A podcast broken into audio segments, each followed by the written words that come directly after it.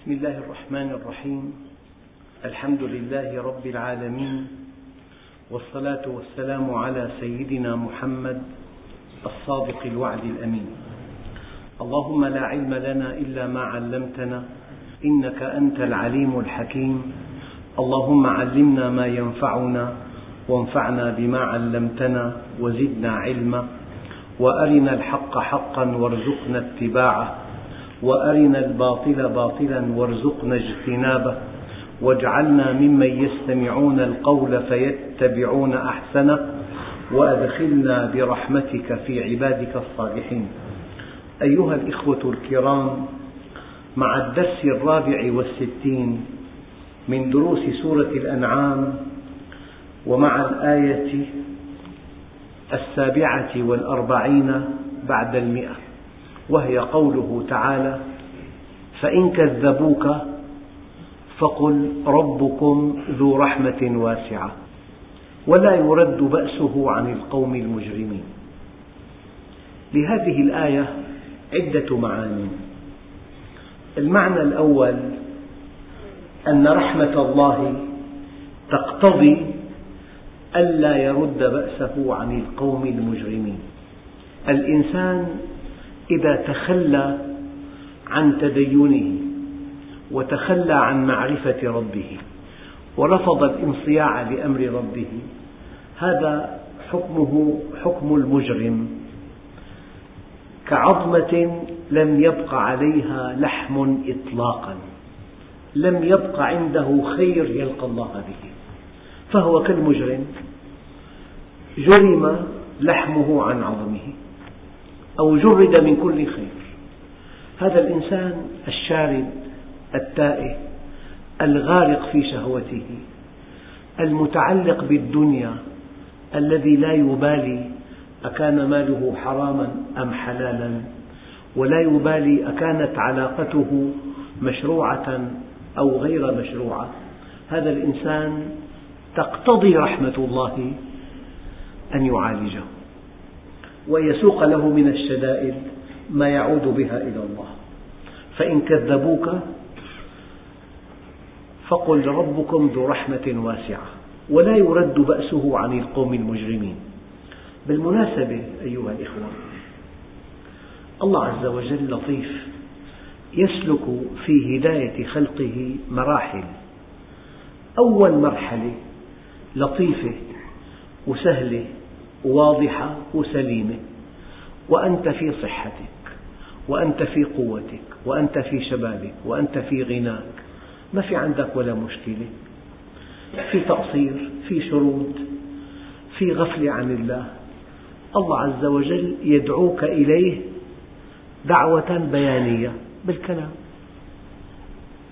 كهذا الدرس دعوة بيانية. هذه الدعوة البيانية تحفظ لك كرامتك واستقرارك وراحتك النفسية. وأنت صحيح وقوي وغني وعندك زوجة وأولاد ولك عمل ولك دخل.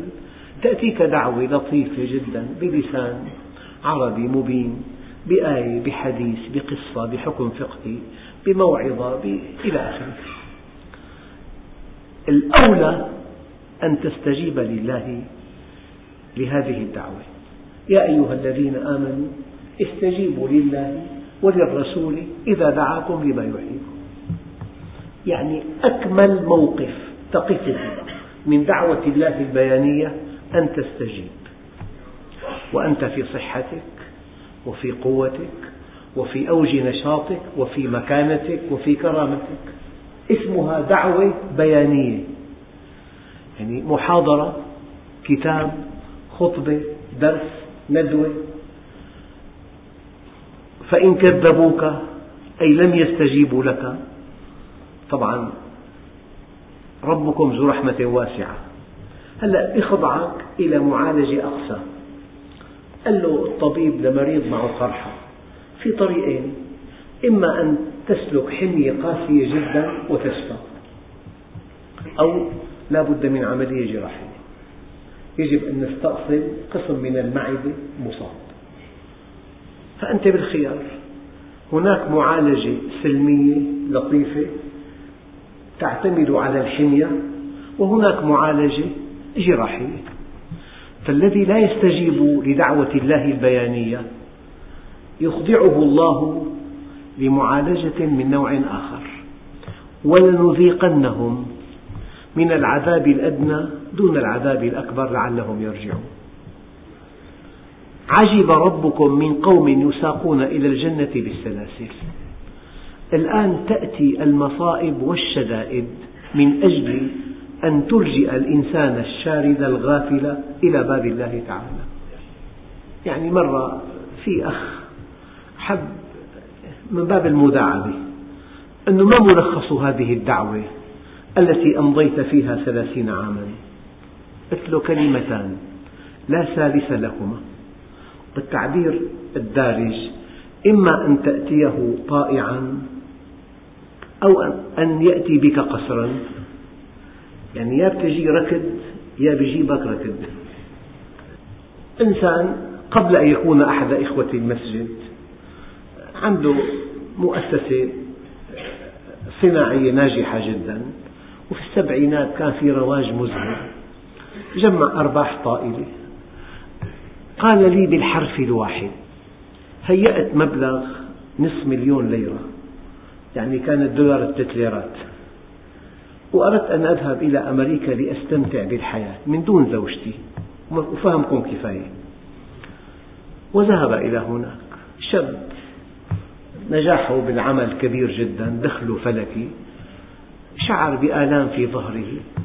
ذهب إلى طبيب قال له سرطان بالنخاع الشوكي. قطع رحلته وعاد إلى الشام من جامع إلى جامع. فإما أن تأتيه طائعا أو أن يأتي بك قسرا. فبالتكذيب ربكم ذو رحمة واسعة. لكن في طريق سلمي الدعوة البيانية في طريق قسري. على كل الذي يستجيب لله عقب مصيبة إنسان موفق جدا. إلا أن الذي يأتيه قبل المصيبة إنسان راقي جدا. إنسان بأعلى درجة من الكرامة. عرف حق الله عليه فأتاه طائعا. لذلك يا أخوان في فرق بين عبيد وعباد. العبيد جمع عبد والعباد جمع عبد. لكن العبيد جمع عبد القهر بينما العباد جمع عبد الشكر. بين أن تأتي المصيبة القاسية مرض عضال لا تنام الليل قيام ليل دعاء. وبين أن تكون صحيحا قويا معافا وأن تبحث عن الله. وأن تطلب رضاه. وأنت قوي غني معافى. فأول دعوة دعوة بيانية درس. خطبة شريط محاضرة ندوة أي شيء دعوة بيانية أو أن يخضع الإنسان للتأديب التربوي. التأديب التربوي. قال له يا رسول الله عظني ولا تطيع. قال له قل آمنت بالله ثم استقم. قال له أريد أخف من ذلك. يعني بالتعبير الدارج حل برمة قال له إذا فاستعد للبلاء. إن لم تقبل أن تتبع حمية قاسية استعد للعملية الجراحية. فأول دعوة دعوة بيانية. أكمل موقف فيها الاستجابة. يا أيها الذين آمنوا استجيبوا لله وللرسول إذا دعاكم لما يحييكم. ما في استجابة؟ ولنذيقنهم من العذاب الأدنى دون العذاب الأكبر لعلهم يرجعون. بالموقف الثاني أكمل موقف التوبة. ما تاب في إجراء ثالث. هو خطير لكن سهل. الإكرام الاستدراجي صحة ومال ودخل ومعاصي. هذا شيء مشاهد. ضغطه 8 12 نبضه 80 كل التحاليل جيدة وعنده كل يوم معصيتين ثلاثة. وشو صار؟ بدي استمتع بشبابي. هذا الثالث إكرام استدراجي. فلما نسوا ما ذكروا به فتحنا عليهم أبواب كل شيء. أكمل موقف بالمرحلة الثالثة بالإكرام الاستدراجي أن تشكر وأن تعود إلى الله وأنت خجل من هذا الإكرام. فإن لم تعد ولم تخجل بقي القصم قصم فإن كذبوك فقل ربكم ذو رحمة واسعة ولا يرد بأسه عن القوم المجرمين.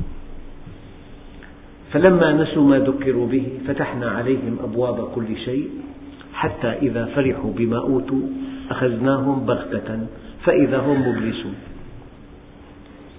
فإن كذبوك يعني أحيانا تطلب الأم من ابنها أن يدرس يرفض. يقول لها الأب دعيه لي سنبدأ وهي الآية واضحة. قال له يا محمد ذرني ومن خلقت وحيدا وجعلت له مالا ممدودا وبنين شهودا ومهدت له تمهيدا ثم يطمع أن أزيد كلا إنه كان لآياتنا عنيدا سأرهقه صعودا. أخواننا الكرام أغبى إنسان على وجه الأرض الذي لا يدخل الله في حساباته. الله أيام برخي الحبل برخي. لدرجة أنك تتوهم أنه ما كل شيء تمام. راكب سيارته بطلعة الحجاز زوجته إلى جانبه أزمة قلبية حادة. من كرم الله عز وجل أنه صديقه وراءه. صدفة. حملوا أخذوا على المستشفى على العناية المشددة. حينما شعر أنه على وشك الموت قال أعطوني مسجلة وشريط كاسيت. المحل الفلاني أخذوا اغتصاب من حق أخيه الصغير. المحل الفلاني البيت الفلاني كل شيء مغتصبه من أخواته ذكروا بهذا الشريط. يبدو الجرطة تمشي بعدين. مشيت. طبيعي جدا نفس الشيء وين شريط؟ كسروا. بعد ثمانية أشهر جاءت القاضية وكانت نهايته بها. أول صحوة صحاها رئيس وزراء العدو من خسرة في الدماغ قال تابعوا اغتيال قادة المنظمات الفلسطينية. أول كلمة قالها بعد الصحوة بعد يومين كانت القاضية. الله أيام يعمل إنذار مبكر تستفيد أول معالجة إلهية الدعوة البيانية وأنت صحيح قوي ما عندك مشكلة. الأجهزة تعمل بانتظام بيتك منتظم بيتك زوجتك أولادك. ثاني معالجة تقديم تربوي بالأولى استجابة بالثانية توبة بالثالثة شكر. بالرابعة قصم قصم إذا فإن كذبوك فقل ربكم ذو رحمة واسعة ولا يرد بأسه عن القوم المجرمين. الآن سأضرب مثل طبيب أب. لماذا طبيب أب؟ طبيب عالم وأب رحيم. شعر أنه في عند ابنه التهاب زايدة وإن لم نسارع إلى استئصالها قد تنتهي بالموت. فتقتضي رحمة هذا الأب العالم أن يضع ابنه على منصة العمليات وأن يخدره وأن يفتح بطنه والدم يسيل وأن يستأصل الزائدة وأن يخيط الجرح وبعد أن ينتهي مفعول المخدر. تبدأ آلام الطفل. لكن هذا قمة الرحمة والعلم. قمة الرحمة والعلم. يعني بيقول لي واحد يعني المسلمين وضعهم صعب جدا ومهما دعوا لا يستجاب لهم. فمرة كان جوابي هم في عملية جراحية ولم تنتهي بعد. فلو أنه بطن مفتوح والأحشاء خارج البطن والعملية معقدة جدا وقال ابن هذا المريض ارحمه كيف أرحمه؟ مما أنا به أرحمه. هذه العملية هي رحمة الطب. فإن كذبوك فقل ربكم ذو رحمة واسعة ولا يرد بأسه عن القوم المجرمين. يعني أحيانا تدخل اليد الإلهية بمصيبة هي سبب نجاة الإنسان في الدنيا. والله أخ له أخ أكبر منه شارد عن الله شرود كبير. يعني غارق في كل المعاصي والآثام وغني كبير وله علاقات وشبكة علاقات. أصيب بأزمة قلبية أخذوه إلى المستشفى بالعناية المشددة بيقول لي أنه أنا أناجي ربي يا ربي أنا تحب أن ألقاك عاريا أعطني مهلة لأرتدي ثوبا ألقاك به. يعني يقصد أنه لو أنه أمهله الله عز وجل بتوب الله عز وجل أمهله. فصار يزورني كل يوم تقريبا. قال لي امبارح ناجيت ربي. قلت له يا رب كل هذه السعادة من الرجوع إليك لم لم تأتني هذه الأزمة قبل عشر سنوات؟ يعني الإنسان أثناء المصيبة يشعر بحالة قرب من الله كبيرة جدا. فأنت لما الله عز وجل يدخلك بعنايته افرح ضمن عنايته. اللي عنده ابن منغولي تاركه اللي عنده ابن ذكي بس مقصر عم يعاقبه كل يوم. المعاقبة دليل في أمل. واحد معه التهاب معدة. الطبيب أقام عليه النكير أعطاه أكلتين فقط حليب وتفاح. وأي شيء آخر يتفاقم مرضك. وعنفه ورفع صوته عليه. جاءوا بعد دقائق مريض معه سرطان من الدرجة الخامسة. قال له ماذا آكل؟ قال له كل ما شئت. أنت ما في عليك مشكلة. كل لأنه ميؤوس منك. فأنت حينما يكون الإنسان في عناية مشددة في متابعة إلهية هذا من فضل الله علينا جميعا. لذلك وعزتي وجلالي لا أقبض عبدي المؤمن وأنا أحب أن أرحمه إلا ابتليته. بكل سيئة كان عاملها سقما في جسده أو إقتارا في رزقه أو مصيبة في ماله أو ولده حتى أبلغ منه مثل الذر. فإذا بقي عليه شيء شددت عليه سكرات الموت حتى يلقاني كيوم ولدته أمه. وعزتي وجلالي لا أقبض عبدي المؤمن وأنا أحب أن أرحمه إلا ابتليته بكل سيئة كان عملها سقما في جسده أو إقتارا في رزقه أو مصيبة في ماله أو ولده حتى أبلغ منه مثل الذر فإذا بقي عليه شيء شددت عليه سكرات الموت حتى يلقاني كيوم ولدته أمه. لذلك أكبر إنجاز لك في الدنيا أن نصل إلى القبر ونحن سالمون. فإن كذبوك فقل ربكم ذو رحمة واسعة. ولا يرد بأسه عن القوم المجرمين. والله أيها الإخوة إن لم يذب الإنسان يوم القيامة محبة لله على ما ساقه له من شدائد. يعني إلي قريب أظنه صالحا ولا أزكي على الله أحدا. عاش حياته كلها يعني بالأمراض بجهازه الهضمي فمر في ساعة مناجاة بكى. قال لي يا رب أنا ما ارتحت يوم. قال وقع في قلبه أن يا عبدي لولا هذا لما كنت في هذا المقام.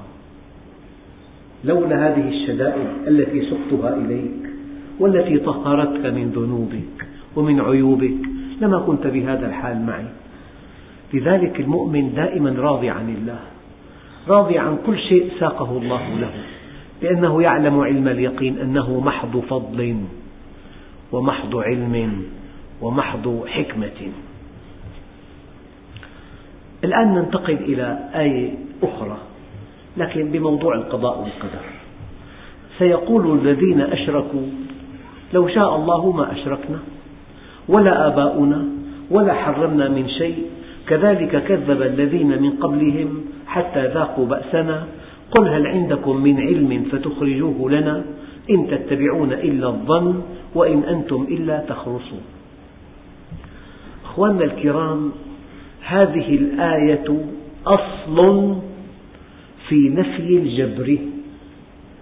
وحينما نعتقد عقيدة الجبر يلغى الدين ويلغى الثواب والعقاب وتلغى الجنة والنار ويلغى التكليف ويلغى حمل الأمانة وتصبح الحياة تمثيلية سمجة أنت هل ترضى؟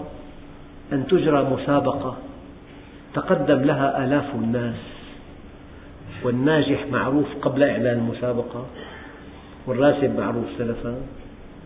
تقول هذه تمثيلية إذا. أيعقل أن يخلق الإنسان في الأصل كافرا؟ وأن يأتي إلى الدنيا ليحقق مشيئة الله بالكفر ثم يعاقبه الله إلى أبد الآبدين بالنار؟ هل ترضى؟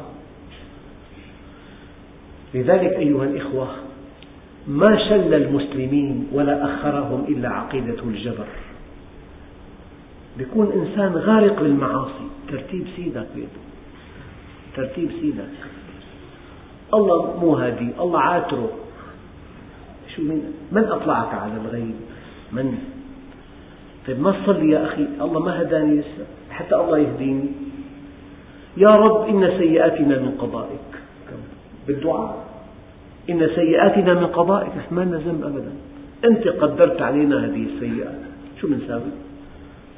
ففي عقائد جبرية شلت هذه الأمة. شلل كامل. لذلك هذه العقيدة فاسدة. أن تعتقد أن الله أجبرك على المعاصي. وأنه ألقاك في اليم مكتوفا مقيد. هو ألقاك. وقال إياك إياك أن تبتل بالماء. شو لذلك الله عز وجل قال فمن شاء فليؤمن ومن شاء فليكفر. قال إنا هديناه السبيل إما شاكرا وإما كفورا. ولكل وجهة هو الإنسان يعني موليها فاستبقوا الخيرات. لكن الأصل في موضوع الاختيار هذه الآية. سيقول الذين أشركوا لو شاء الله ما أشركنا. ولا آباؤنا ولا حرمنا من شيء. هذا القول كذب. الدليل كذلك كذب الذين من قبلهم. هذا قول كذب كذب على الله. كذلك كذب الذين من قبلهم حتى ذاقوا بأسنا. قل هل عندكم من علم فتخرجوه لنا؟ إن تتبعون إلا الظن وإن أنتم إلا تخرصون. أيها الإخوة الله عز وجل خيرنا فيما كلفنا. كلفك أن تصلي وأنت مخير. كلفك أن تصوم وأنت مخير. أليس هناك أناس يصومون أناس لا يصومون؟ يصلون أو لا يصلون يصدقون أو يكذبون يتقنون أو لا يتقنون يخلصون أو يخونون يرحمون أو لا يرحمون. الله عز وجل خيرك فيما كلفك. والأدلة كثيرة جدا.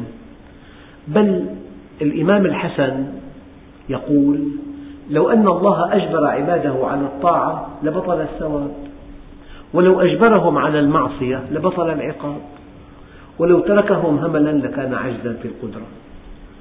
سيدنا علي سئل أكان مسيرنا إلى الشام بقضاء من الله وقدر؟ قال له الإمام علي ويحك يا هذا. لو كان قضاء لازما وقدرا حاتما إذا لبطل الوعد والوعيد ولانتفى الثواب والعقاب. إن الله أمر عباده تخييرا ونهاهم تحذيرا وكلف يسيرا ولم يكلف عسيرا وأعطى على القليل كثيرا.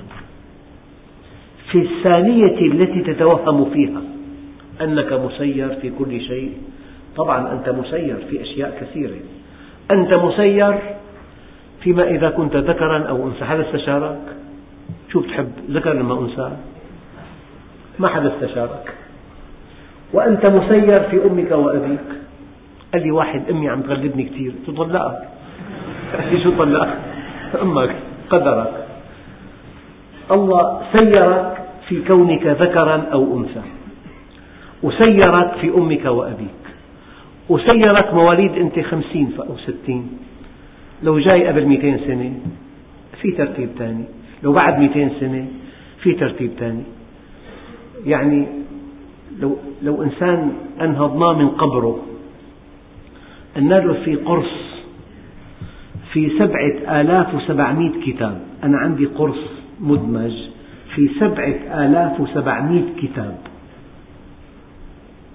ممكن تبحث في كل هذه الكتب في 13 ثانية. كل كتب التفسير كل كتب الحديث كل كتب الفقه كل كتب السيرة كل كتب المعاجم واللغة والتاريخ. سبعة آلاف وسبعمائة كتاب يعني أربع جدران للسقف طيب هذا لو انهض إنسان من قبره قلت له في عنا قرص فيه كل هذه الكتب. ومضبوطة بالشكل وبتختار الحرف بتكبره وبتصغره وفي شي 200 حرف. تختار الألوان كله باختيارك.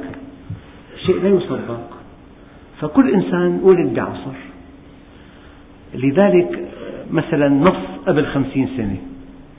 لأحد الأدباء. قال يا ليت آباءنا استغنوا عن التجارة وعن ذل البيع والشراء وعن ترويج السلعة بالأقسام والأيمان فما العيش إلا عيش الموظفين. قبل خمسين سنة كان الموظف أغنى إنسان. والتجارة كلها ذل وهوان.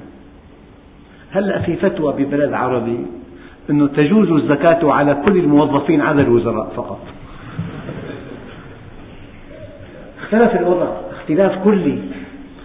يعني أتصور أنه رسالة من الشام إلى البصرة أو من من المدينة إلى البصرة بدها شهر. الآن بتخاطب العالم كله بأقل من ثانية. في تطور غريب وكل عصر له سلبياته وإيجابياته. إذا أنت مسير في كونك ذكرا أو أنثى. مسير في أمك وأبيك. مسير في عصرك. واحد ولدان بالشام. رأيت عمود الإسلام قد سل من تحت وسادتي فأتبعته بصري فإذا هو بالشام. واحد ولدان ببلد غارق في الانحلال والإباحية. في فرق كبير جدا. ومسير في قدراتك العامة. في إنسان وسيم إنسان غير وسيم. في إنسان عنده اتقاد ذهني كبير جدا في إنسان أقل اتقاد. يعني مرة حدثنا داعية توفي رحمه الله عم يلقي درس في الجامع. ألقى الدرس وصلى العشاء. قال أنه في فساد عريض بالبلد. بتجي البنت الساعة واحدة بالليل وين كانت؟ عند الحبيب الكل صلى على الحبيب. عليه قاموا ليصلوا قرأ آية كريمة. قال فعلتها إذا وأنا من الضالين. قاموا كلهم قالوا آمين بعد فلذلك قضية أنت مسير في كونك ذكرا أو أنثى. مسير في أمك وأبيك. مسير في مدينتك وفي زمن ولادتك. مسير في قدراتك العامة. بس يجب أن تعلم علم اليقين أن هذا الذي سيرك الله به ليس في إمكانك أبدع مما أعطاك. هو أكمل شيء لك. وسره ادخر ليوم القيامة. يكشف الله لك عن سره. يجب أن تذوب محبة لله عز وجل. يجب أن تذوب محبة لله على أنه أقامك بهذا الوضع بهذا الشكل بهذه القدرات بهذه الوسامة بهؤلاء الأهل بهذه المدينة. يعني إنسان يأتي من أب فقير جدا. يشتهي أن يأكل. مرة ببعض الأحياء الفقيرة. شاهد طفل أتى بعلبة سردين وسقبها وربطها بخيط وعباها تراب وجعلها سيارة. طفل آخر ريموت كنترول وألعاب وكمبيوترات وغرفة خاصة له. هذا غير هذا. بس لأن الدنيا مؤقتة والآخرة دار جزاء فالبطولة أن تقف الموقف الكامل من أي شيء اختاره الله لك. أن تقف الموقف الكامل من أي شيء اختاره الله لك. يعني لو اثنان واحد يتمنى أن يأكل لقمة لحم في الشهر ما في. والثاني حينفجر لحم. ومات. لو أن الفقير نجح بامتحان الفقر. فكان أديبا وصابرا وعفيفا ومتجملا وعزيز النفس مع أنه دخله قليل جدا. والغني كبر وغطرسة واستعلاء وارتكاب للمعاصي والآثام لو أنه اثنين عاشوا ستين سنة كل واحد أو ثمانين سنة وماتوا هلأ في أبد إلى ما لا نهاية. تقول مليار مليار مليار مليار. ليوم القيامة الأبد أطول. فإذا واحد خسر ثمانين سنة وربح الأبد ما بيكون أكبر رابح؟ واللي ربح ثمانين سنة وخسر الأبد بيكون أكبر خاسر؟ قل إن الخاسرين الذين خسروا أنفسهم وأهليهم يوم القيامة. يعني أكبر خسارة أن تخسر الآخرة. لذلك لما الإنسان الله يسوق له الشدائد من أجل أن يتوب ويتوب ويأتيه ملك الموت ويرى مكانه في الجنة. قال يعرق عرق الخجل من الله عز وجل. وبعضهم قال يصيح صيحة ويقول لم أر شرا قط. بينسى كل الخير. وإذا واحد والعياذ بالله يعني غرق في النعيم في الدنيا ثم جاءه ملك الموت. أحد الطغاة ببلد إسلامي في الشمال قبل يومين من وفاته يقول حريق وين مدير الإطفاء؟ ويسبه. ثلاثة أيام عاش بجو الحريق.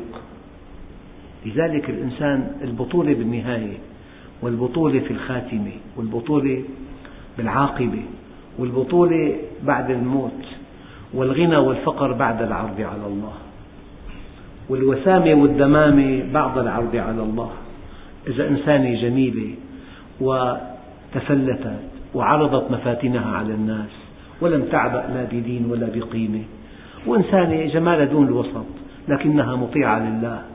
هذه تكون يوم القيامة ملكة من ملكات الجمال في الآخرة لأنه في تسوية حسابات.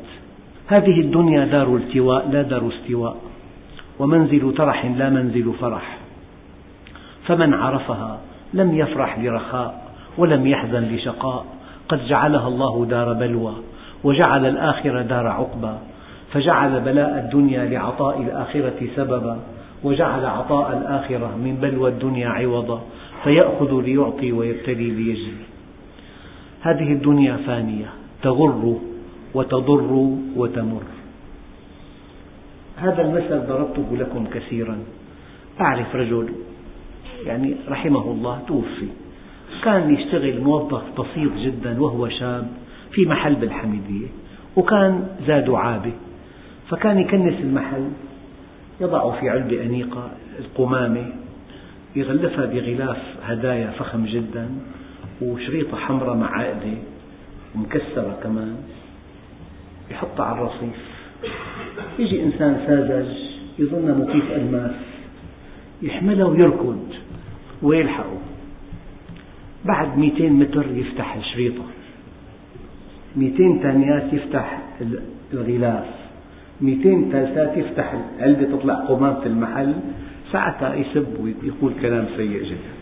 هكذا الدنيا تغر وتضر وتمر.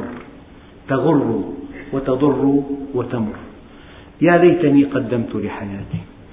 يعني ما في واحد ما دخل بيت فخم جدا من بيوت دمشق وصاحبه توفاه الله. أنت وازن هالجبصين وهالرخام الأونكس وهالتريات وصاحبه باب صغير قاعد. هو مات هو نقى الأشياء كلها باختياره شهر لحتى نقى هالجبصين جاب كتالوجات وجاب بعدين صفي باب صغير. هذا واقع يا أخوان. في شيء مو واقع عم بحكيه. الدنيا تغر وتضر وتمر. لذلك سيقول الذين أشركوا لو شاء الله ما أشركنا ولا آباؤنا ولا حرمنا من شيء. كذلك كذب الذين من قبلهم حتى ذاقوا بأسنا. قل هل عندكم من علم؟ فتخرجوه لنا. إن تتبعون إلا الظن وإن أنتم إلا تخرصون والخرص أشد أنواع الكذب. أشد أنواع الكذب.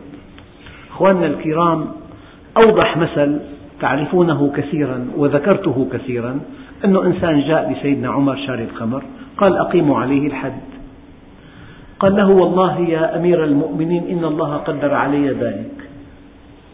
الله قدر عليه هلا العوام بيقولوا طاسات معدودة بأماكن محدودة. هي آية لما حديث. كلام ما له معنى إطلاقا. فقال سيدنا عمر أقيموا عليه الحد مرتين. مرة لأنه شرب الخمر ومرة لأنه افترى على الله. قال له ويحك يا هذا إن قضاء الله لم يخرجك من الاختيار إلى الاضطرار. أخواننا الكرام في قضية أصولية دقيقة. الآيات المحكمات وهذه محكمة. ما معنى محكمة؟ يعني لها معنى واحد. لا يختلف على معناها اثنان. لا تحتاج إلى تفسير ولا إلى زمخشري ولا إلى قرطبي ولا تحتاج إلى خلاف بين العلماء ولا بين الفقهاء. قضية محكمة يعني لها معنى واحد. لا يختلف عليه اثنان.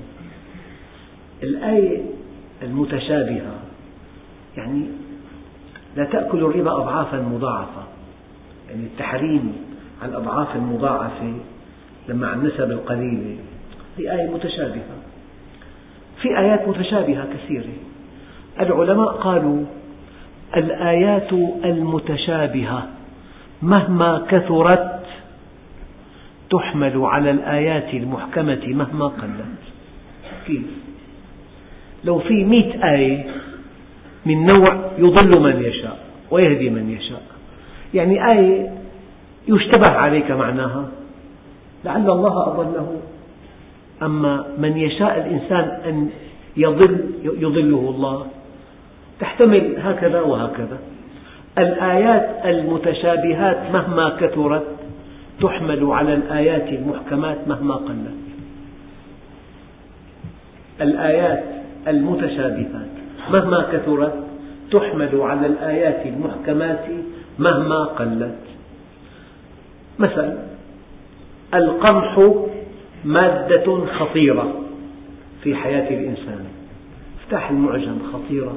قنبلة يعني لغم لما أساسي بحياتنا مادة أساسية. كلمة متشابهة. خطيرة كلمة متشابهة. بعد قليل قلت القمح مادة أساسية. ما معنى خطيرة إذن؟ أساسية. فلو في عندنا مئة آية متشابهة وآية واحدة محكمة الآيات المحكمات مهما كثرت تحمل على الآيات. الآيات المتشابهات مهما كثرت تحمل على الآيات المحكمات مهما قلت. وهذه الآية محكمة في نفي الجبر. سيقول الذين أشركوا لو شاء الله ما أشركنا ولا آباؤنا ولا حرمنا من شيء. أخواننا الكرام فيها الآية إعجاز علمي. الآية ومسيرتها واحد سفيه. قلنا له أنت سفيه. وسوف تقول هذا الكلام. بلغنا أنت واحد سفيه. وستقول كذا وكذا. لو كان في عنده ذرة ذكاء شو بيساوي؟ ما بيحكي. طلع كلامنا غير صحيح. أليس كذلك؟ سيقول السفهاء ما ولاهم عن قبلتهم التي كانوا عليها. والآية نزلت وقرأت وعممت.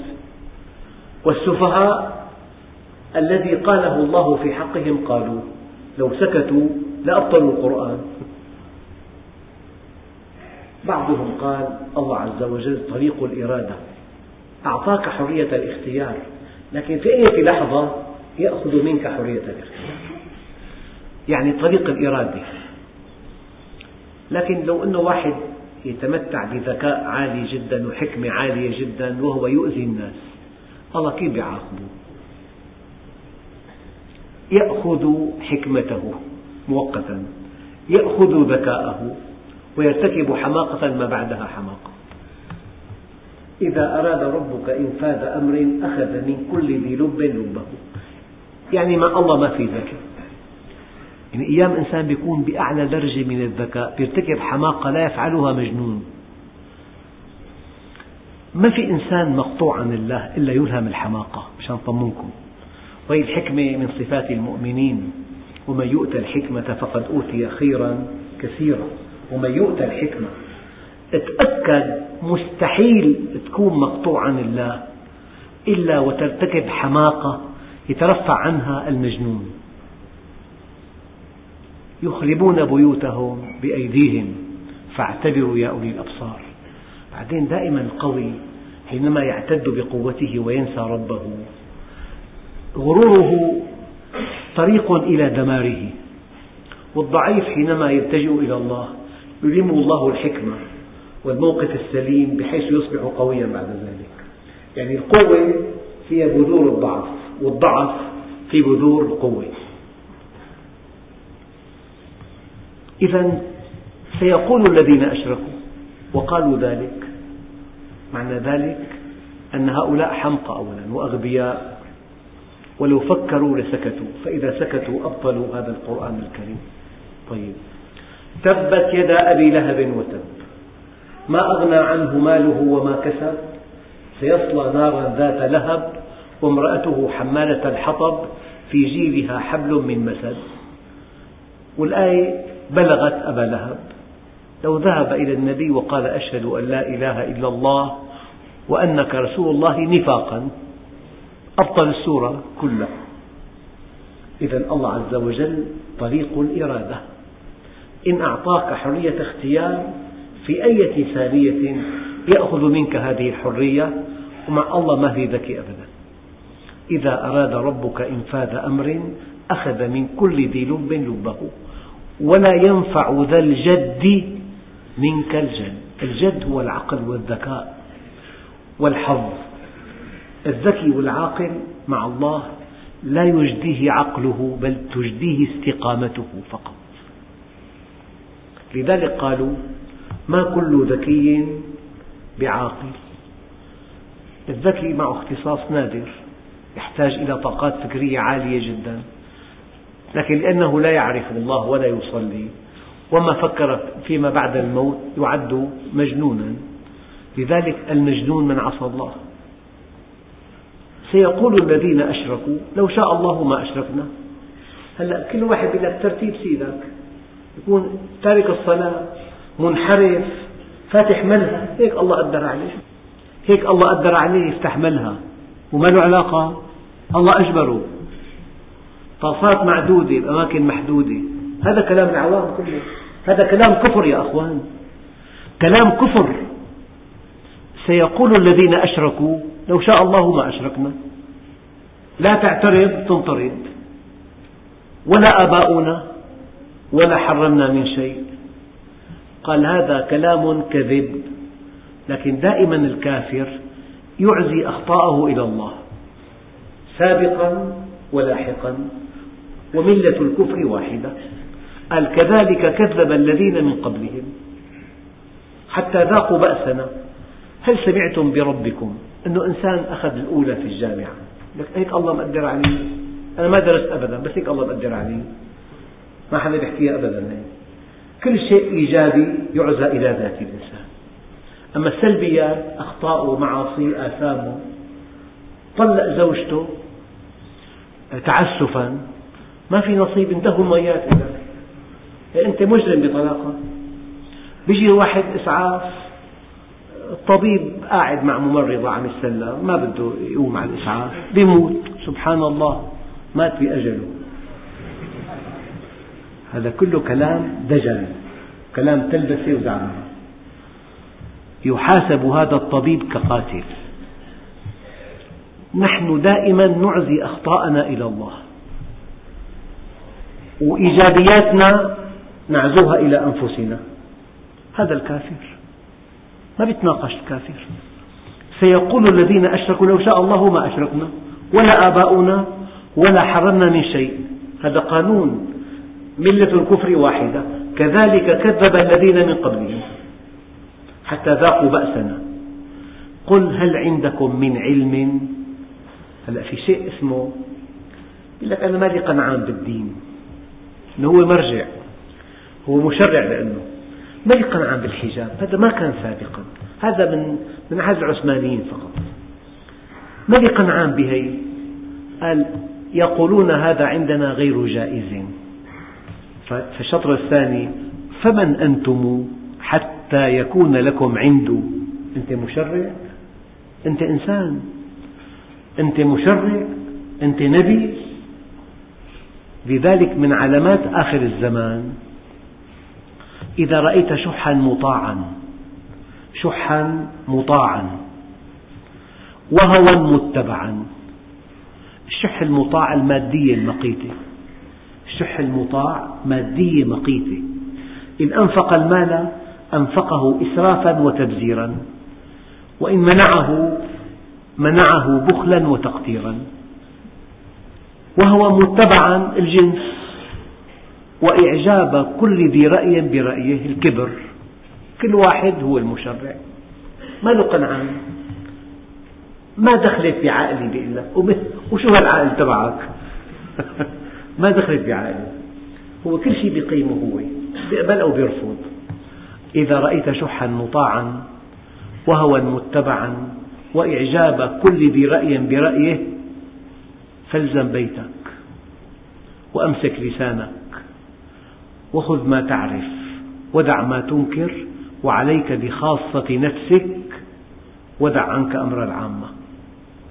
في زمن صعب أهواء وضلالات وفسق وفجور وكذب وضلالات كبيرة جدا إذا رأيت شحا مطاعا وهوى متبعا وإعجاب كل ذي رأي برأيه فالزم بيتك وأمسك لسانك وخذ ما تعرف ودع ما تنكر وعليك بخاصة نفسك ودع عنك أمر العامة. قل هل عندكم من علم فتخرجوه لنا؟ إن تتبعون إلا الظن وإن أنتم إلا تخرصون. يا أخوان برامج بفضائيات بإذاعات كلها على الكواكب والتنجيم وحظك هذا الأسبوع وهذا من برج الثور وهذا من برج وجايك قبضة وفي لك صاحب بده يعاديك. كله كذب. لك ما له أساس للصحة. كله كذب بكذب. هلأ في في صرعة جديدة أنه سعادتك مربوطة بحروف اسمك. الدين ما له علاقة. استقامتك طهرك عفافك ورعك لا له قيمة. عندك مثلا ثلاث حروف فيهم شقاء. ولا خاصة بالزواج هي بشوف حروف خطيبته وحروفه ما ضبطوا ما بيتزوجها صاحب الدين محجبة حافظة ما لها قيمة. ما في سعادة معها. حروف اسمها ما بتناسب مع حروف اسمه دورات كلام دجل بدجل بكذب بافتراء ما له أساس الصح عصر ضلالات كله. قل هل عندكم من علم فتخرجوه لنا؟ إن تتبعون إلا الظن. وإن أنتم إلا تخرصون. قل فلله الحجة البالغة. قل فلله الحجة البالغة. أخواننا الكرام الله عز وجل حجته بالغة. والمؤمن معه حجة بالغة. وتلك حجتنا آتيناها إبراهيم على قومه. والمؤمن له من هذه الآية نصيب. معه حجة قوية. قل فلله الحجة البالغة فلو شاء لهداكم أجمعين. كيف الآية؟ هي آية متشابهة. يقول لك واحد إيه الله ما شاء شو نسوي نحن؟ هو ما بده. يعني الله عز وجل جعلك المخلوق الأول أعطاك حرية الاختيار. أودع فيك الشهوات أعطاك عقل أعطاك فطرة. أعطاك شهوة أعطاك حرية أعطاك منهج قال لك اتحرك. الكون يدلك على الله والحوادث تدلك على الله. وابنك الذي من صلبك يدلك على الله. كنت مثله صغيرا أنت كنت من ذرة ماء من ماء مهين أيضا تستحي به لو كان على ثيابك. أعطاك كل شيء. أعطاك الأنبياء والرسل والكتب والدعاة. رباك بخلقه رباك بأفعاله رباك تربية نفسية خاصة رباك بالدعوة إليه. فأنت مخير. لذلك لما الإنسان يغلط ويعزو خطأه إلى الله يكون ارتكب حماقة كبيرة جدا. الآن لو الله عز وجل أرادك أن تكون مسيرا كبقية المخلوقات الكون كله مسير إلا الإنس والجن. الكون كله الجماد والحيوان والنبات والملك مسير. غير مكلف غير معاتب غير محاسب. ما في عنده جنة ونار إلا الإنس والجن. أودع فيهم الشهوات أعطاهم حرية الاختيار أعطاهم عقلا وفطرة ومنهجا. هم أخطأوا. يا عبادي لو أردتكم أن تؤمنوا إيمانا قسريا لهديتهم جميعا. إذا كان حب رئيس الجامعة ينجح كل الطلاب يعطي أمر اطبعوا على الأوراق الإجابة الإجابة التامة بالطبع. بحروف مطبعة. وحطوا مية على مية بالأحمر قل له اكتب اسمك واطبع. ألا يستطيع رئيس الجامعة أن ينجح جميع الطلاب؟ إذا أعطاهم أوراق طبع عليها الإجابة التامة والعلامة مئة بالمئة. طبعا. هذا النجاح ما قيمته. ما له قيمة إطلاقا. ما له قيمة إطلاقا لا عند صاحبه ولا عند المجتمع ولا عند الجامعة. إطلاقا ما له قيمة أيها الإخوة الإنسان هو المخلوق الأول لأن الله كرمه بحرية الاختيار. والله عز وجل لا يريدنا أن نقبل عليه قسرا. يريد أن نأتيه طائعين مختارين بمبادرة منا. لذلك لو شاء لهداكم أجمعين. الهدى القسري لا يسعدنا. الهدى القسري لا يسعدنا.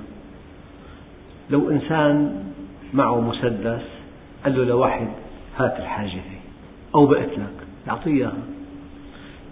لما قدم له هالحاجة القطعة بحس الذي هدد أنه يقدم عمل طيب مقهور. هل يرقى بهذا العمل؟ إطلاقا؟ يمتلئ حقد أساسا. أما حينما يأتي إنسان يقدم لك شيء لوجه الله يتألق عند الله. يعني أنت لا ترقى إلا إذا كنت مخيرا. لا ترقى إلا إذا جئت طائعا. لا ترقى إلا إذا جئت بمبادرة منك. لا ترقى إلا إذا كنت عن حب. يعني مثلا ليش ما الأنبياء كانوا أقوياء مثلا؟ هلأ في أقوياء بيعطوا توجيه بتلاقي مئة مليون نفذوا الأمر. ليش النبي كان ضعيف؟ أحد أصحابه يعذب أمامه. ما في سوي معه شيء. صبرا آل ياسر. فإن موعدكم الجنة. والنبي تخفى بغار ثور. وهاجر خفية ودمه مهدور. ليش النبي ضعيف؟ ضعيف ما عنده شيء يعطيه لأنه. ولا بيخوف فيك تقول عنه مجنون وتنام ببيتك. تنام ببيتك مطمئن. قلت عنه مجنون وكاهن وساحر. مجنون. فيك تقول عن قوي مجنون وتنام ببيتك؟ ما بتقدر. ليش النبي ضعيف؟ حتى يكون الإيمان به عظيم كثير لا في مغانم ولا في تهديدات. لذلك الإيمان بالنبي له أعلى قيمة أنه ما عنده يعطينا شيء. لا أملك لكم نفعا ولا ضرا. لا أعلم الغيب. قل إني أخاف إن عصيت ربي عذاب يوم عظيم. هذه البطولة. إنسان معه مبدأ معه حق. ضعيف محارب مضطهد خائف. قال خفت في الله وما خاف أحد مثلي وأوذيت في الله وما أوذي أحد مثلي ومضى علي ثلاثون يوما لم يدخل جوفي إلا ما يواريه إبط بلال. ما عنده شيء. كان إذا أراد أن يصلي الليل لا تتسع غرفته لنوم زوجته وصلاته. ما تكفي؟ هذا لك 480 متر. وإطلالة لا تتسع غرفته وهو سيد الخلق لصلاته ونوم زوجته. ضعيف لكن الإيمان به عظيم جدا. وهلا هلا إذا أنت مشيت صح الناس مو معك كلها. معظم الناس ضدك أساسا. يعني أعدائنا إرهابيين نحن. تحجب زوجتك إرهابي بتصلي إرهابي.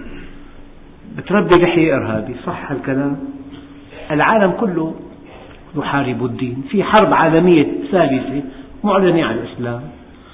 الآن إذا واحد تدين ما في مغانم إطلاقا بالعكس كل حياته بتصير مغارم مو مغانم. بس لكن بطولة الآن مع الحق أنت لا تعبأ بالدنيا كلها. يعني شايفين العالم كله منحاز للباطل. يعني أوضح مثل ما يجري في فلسطين. يريدون ديمقراطية لا ديمقراطية.